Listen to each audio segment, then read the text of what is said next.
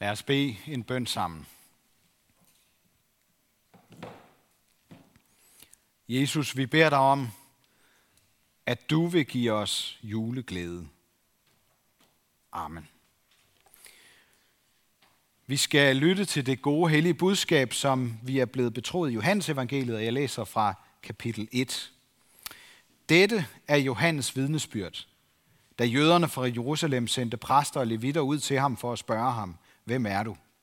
Der bekendte han og benægtede ikke. Han bekendte, jeg er ikke Kristus. Hvad er du da? spurgte de ham. Er du Elias? Det er jeg ikke, svarede han. Er du profeten? Nej, svarede han. Så sagde de til ham, hvem er du da? Vi skal have svar med til dem, der har sendt os. Hvad siger du om dig selv? Han svarede, jeg er en, der råber i ørkenen, jævn Herrens vej. Som profeten Esajas har sagt, de var udsendt, som profeten Esajas har sagt, de var udsendt af farisæerne, og de spurgte ham, hvorfor døber du så, når du hverken er Kristus eller Elias eller profeten? Johannes svarede dem, jeg døber med vand, midt i blandt jer står en, som I ikke kender, han som kommer efter mig, og hans skorem er jeg ikke værdig til at løse. Dette skete i Betania på den anden side af Jordan, hvor Johannes døbte.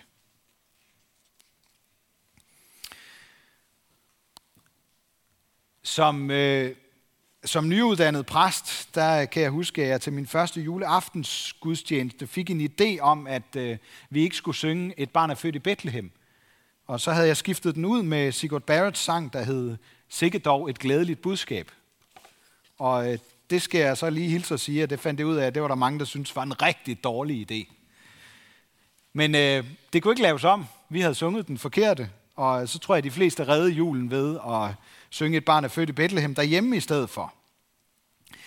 Og jeg begynder med at nævne det her, fordi jeg tror, at der er rigtig mange forventninger på spil i julen.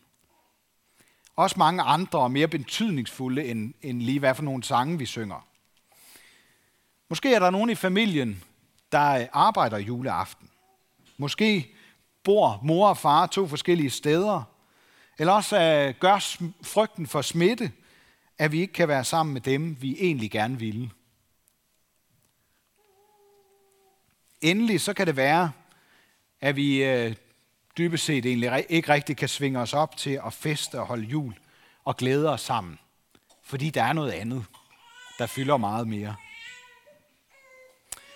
Måske handler det ikke om at redde julen, men simpelthen om bare at komme igennem den. Vi har jo efterhånden alle sammen de sidste måneder vendet os til at redde, hvad reddes kan. Også redde en god jul, hvad det så er for os hver især. Og så her i dag, der hører vi om en masse forventninger til Johannes døber. Hvem er du? spørger de jødiske præsters udsending. Og Johannes fortæller dem, at han hverken er Kristus, Elias eller profeten. Han er i virkeligheden en budbringer, ligesom de selv er. Han skal fortælle om, at om lidt så kommer ham, som mange har ventet på. Ham, der kan redde dem alle sammen, og som overgår alle deres forventninger. Men det underlige er, at Johannes kun siger ganske lidt om ham, der kommer. I virkeligheden så nøjes han næsten bare med at tegne et billede af sig selv i stedet for. Og det han siger, det er, at han er ikke værdig til at tage skoene af ham, der kommer. Og det kan virkelig, måske også med god grund, lyde som et meget selvudslættende billede. Men i virkeligheden, så tror jeg, at det er det stik modsatte. Det vil jeg prøve at forklare. Fordi Johannes skal ikke selv skabe eller opfinde sin egen værdi. Det ved han godt. Det kommer man ikke langt med. Han får værdi ved at være en del af noget større. Det har Johannes opdaget. Han er en brik i Guds store puslespil og plan om at redde verden. Så Johannes fortæller ikke om sig selv for at vise dem, hvor vigtig han er.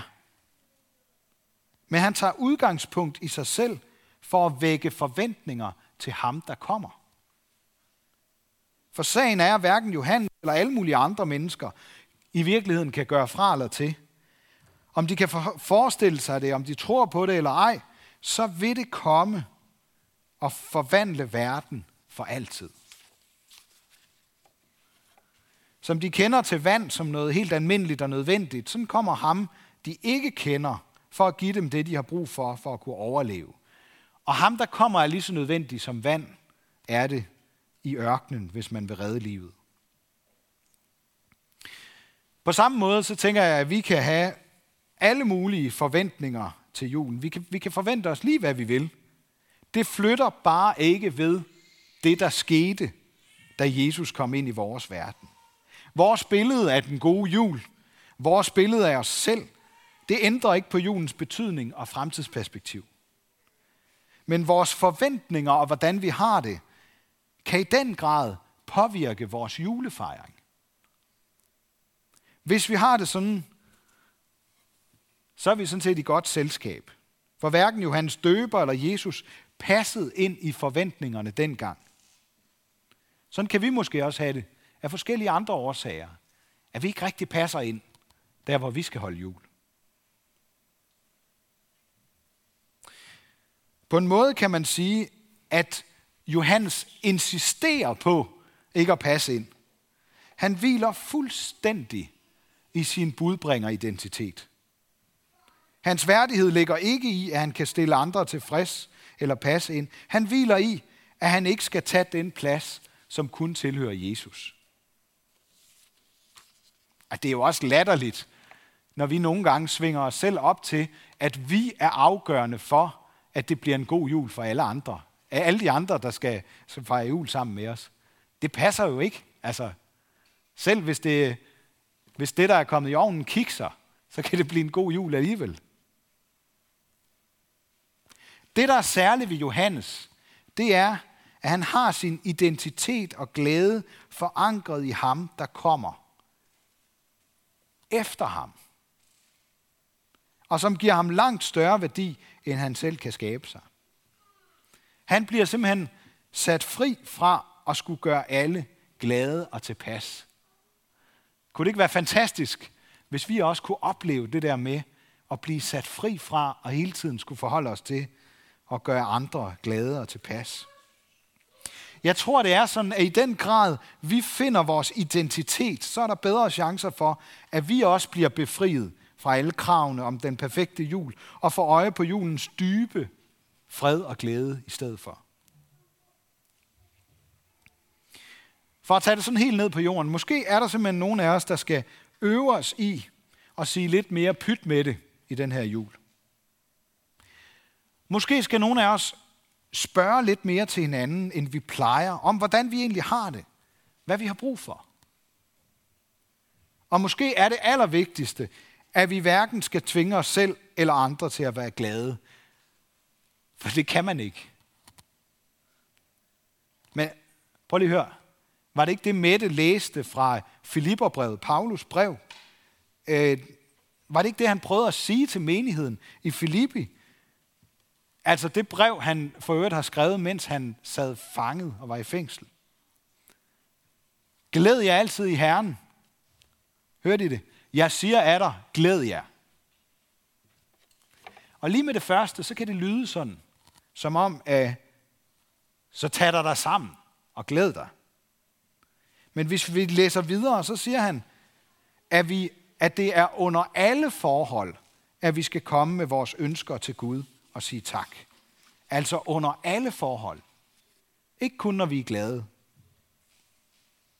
Det er altså ikke endnu en skruetvinge, der skal forsøge at fastholde glæden, sådan som vi nogle gange kan komme til at gøre det, hvis vi synes, det skal være festligt, og vi ikke gider at snakke om det, der er svært.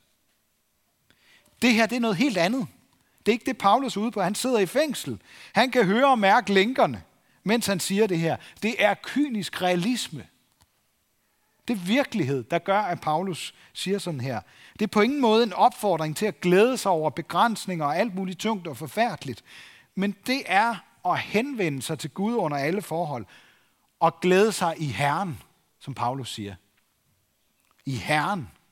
Det er, det er et af Paulus yndlingsudtryk for det at være en kristen. Og have sin identitet i, at Jesus Kristus vil ofre alt for os, og derfor vær at glæde sig over under alle forhold. Lige meget hvordan vi har det. Ikke mindst fordi han har lovet at komme og befri os. Jeg tror, det er sådan, at glæde altid kommer til os udefra. I hvert fald den dybe glæde. Den overrumpler os, sådan som Guds fred overgår al forstand. Eller som jeg hørte en ældre dame, der skulle holde jul helt for sig selv i år, sige, jeg holder jul indeni. Som Guds børn, der har vi nemlig også en udefra kommende kanal inderst inde, som vi kalder Helligånden, som vi får i dåben.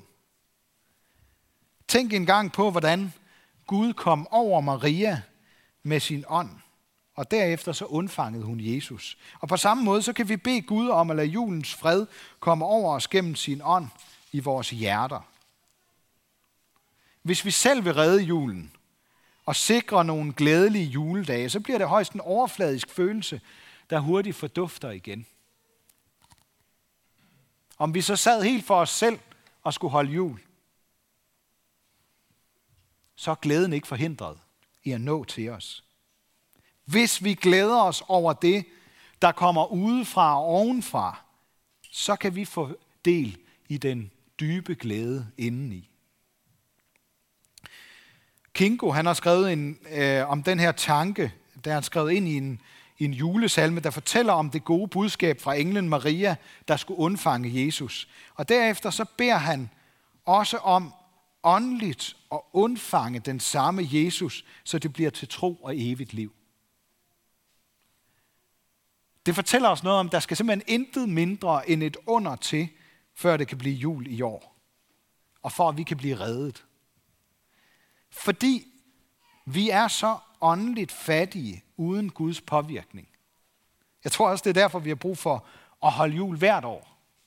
Fordi vi har brug for at undre os. Vi har brug for, at der sker et mirakel med os. At vi som fattige, begrænsede mennesker igen bliver rige. Grundtvig skrev for 200 år siden en salme, der beskriver den åndelige fattigdom, der var på kirkerne, der var i kirkerne på den tid. Og han stod sådan helt afmægtig og længtes efter at kunne redde julen fra overfladiskhed. Og så står han der som en anden Johannes Døber, der ikke selv har det, der skal til. Men så får han øje på børnene. Sammen med børnene, der ikke kan vente til det bliver juleaften, så spejder han efter glæden. O måtte vi kun den glæde se, før vores øjne lukkes. Der skal som en barnemoders ved vores smerte sødt bortvugges. Vor fader i himlen, lad det ske, lad julesorgen slukkes. Der findes kun én, der kan få det til at blive jul i vores hjerter i år. Og det helt fantastiske, det er, at vores far i himlen har lovet, at han vil gøre alt, hvad han kan for at redde os. Så for at runde lidt af, kan julen overhovedet reddes? Altså hvis det handler om med sikkerhed ikke at blive skuffet i år, så nej. Hvis det handler om, at vi vil gøre os selv og alle andre glade, så tror jeg heller ikke, det vil lykkes. I hvert fald ikke for os alle sammen. Men hvis det handler om at få øje på Guds store redningsplan og begynde at glæde sig over, at vi under alle forhold må sige til ham, hvordan vi har det, og at hans fred er langt større end nogle fredelige og overfladiske juledage, så kan julen reddes. Eller måske endnu mere, så kan vi blive reddet uanset, hvordan vi lige har det for tiden. Jeg tror ikke, sorgen i julen slukkes ved at blive kvalt eller ved at blive fortiget. Det svære skal ikke forties. Det skal lukkes ud, så den dybe glæde kan komme ind. Den glæde, der ikke kan holde til, at det svære og sorgfulde nævnes, det er ikke nogen dyb glæde. Den dybe glæde, den er kendetegnet ved at længes efter mere. Efter ham, der kom, og som kommer hver gang, vi beder ham om det. Og Måske var det derfor, Gud blev menneske ved at blive født som et barn, for at minde os om, at glæde altid er noget, der bliver undfanget og født i os som et under, der kommer udefra og større og mere vidunderligt, end det vi kan forestille os. Og måske også fordi børn er så gode til at være både i sorg og glæde på samme tid, og lade sig begejstre, og har så svært ved at skjule det, de længes efter.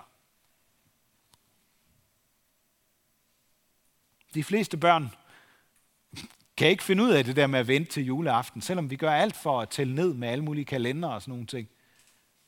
Og, øh, og mange af dem øh, går også på jagt efter julegaverne og prøver at udspørge og sådan noget for at finde ud af, hvad, hvad er det, vi venter på? Kommer det ikke snart?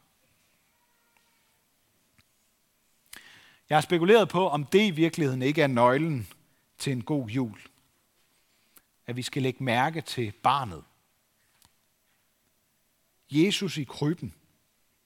Måske give plads til barnet i os selv, der helt naturligt og tillidsfuldt kommer med sine ønsker til sin far i himlen, og som har store forventninger til, hvad han har til os i år. Et barn er født i Bethlehem, og vi må glæde os og juble over, at det barn ikke kom for at redde julen, men for at redde hele vores verden ved at skabe fred mellem Gud og mennesker. Og det vel at mærke en fred, der overgår al forstand.